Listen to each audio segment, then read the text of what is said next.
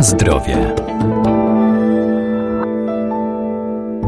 Wzmacniacze smaku, przeciwutleniacze czy stabilizatory pojawiają się w składach produktów spożywczych, kryją się pod symbolami E. Dlatego, by mieć świadomość tego, co spożywamy, należy czytać składy produktu na opakowaniu i choć największe obawy budzą zwykle sztuczne konserwanty, to warto też zwrócić uwagę na syntetyczne barwniki.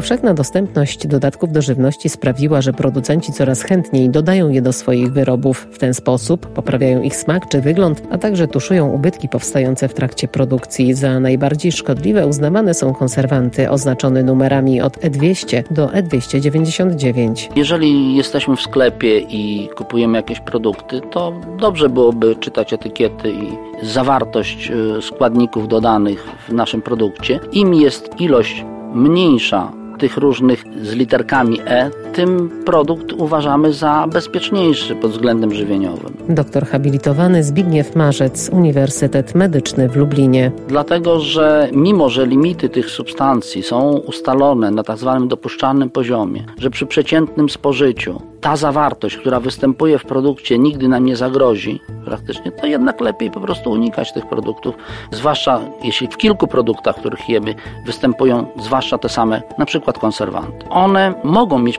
potencjalnie szkodliwe działanie, dlatego jeśli widzimy te wartości E, te butylohydroxanizol, butylohydroxytoluen czy galusany, to starajmy się takich produktów unikać, jeśli można. Nie zawsze się to udaje, bo wiele napojów na przykład jest konserwowanych benzoesanem sodu, który może potenc- powodować potencjalne reakcje alergiczne. Może. Nie znaczy, że u każdego spowoduje. Ale prawda jest też taka, że gdyby wiele substancji nie było konserwowanych, to ich okresy przydatności byłyby bardzo krótkie. W związku z tym niechętnie nawet byłyby produkowane i kupowane przez sklepy, bo byłyby duże po prostu zwroty.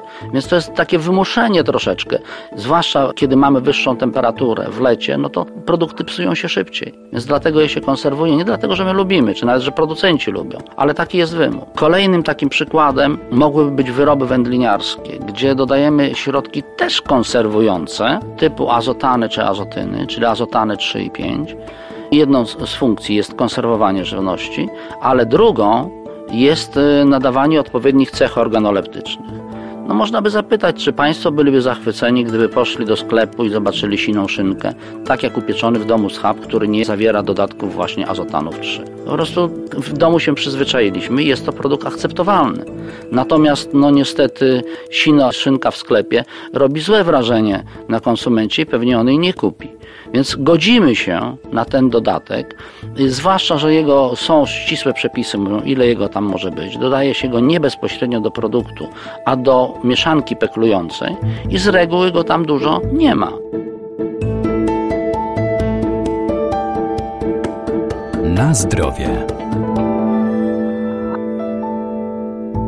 Wszystkie dodatki są dopuszczone do stosowania, ale ich nadmiar może wywoływać różne reakcje. Część z nich jest stale badana, innymi barwniki. W ogóle na świecie substancji dodawanych żywności jest ponad 2000. Unia Europejska, mówię, dopuszcza 380 kilka. Nawet było mi to trudno policzyć, dlatego że czasami są podpunkty, a są jeszcze połączenia dodatkowo, które mogą być i nie są uwzględniane. Pewne grupy dodatków do żywności są chyba bardziej popularne w Polsce, w tym sensie, że media naświetliły ich potencjalnie szkodliwą rolę. Dotyczy to m.in. barwników syntetycznych. Par, kilka lat temu były prowadzone badania nad ich wpływem na zachowanie dzieci.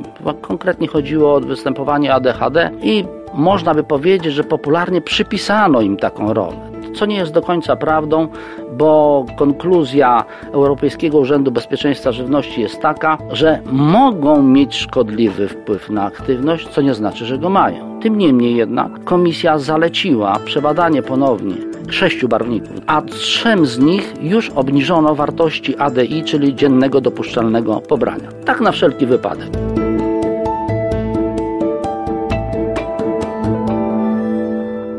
Wielu producentów, by nakłonić konsumentów do zakupu ich produktów, stosuje na przykład hasła reklamowe sugerujące, że mamy do czynienia z naturalnym produktem, jednak w jego składzie mogą znajdować się niezdrowe chemiczne dodatki. Ich wykaz znajdziemy na opakowaniu.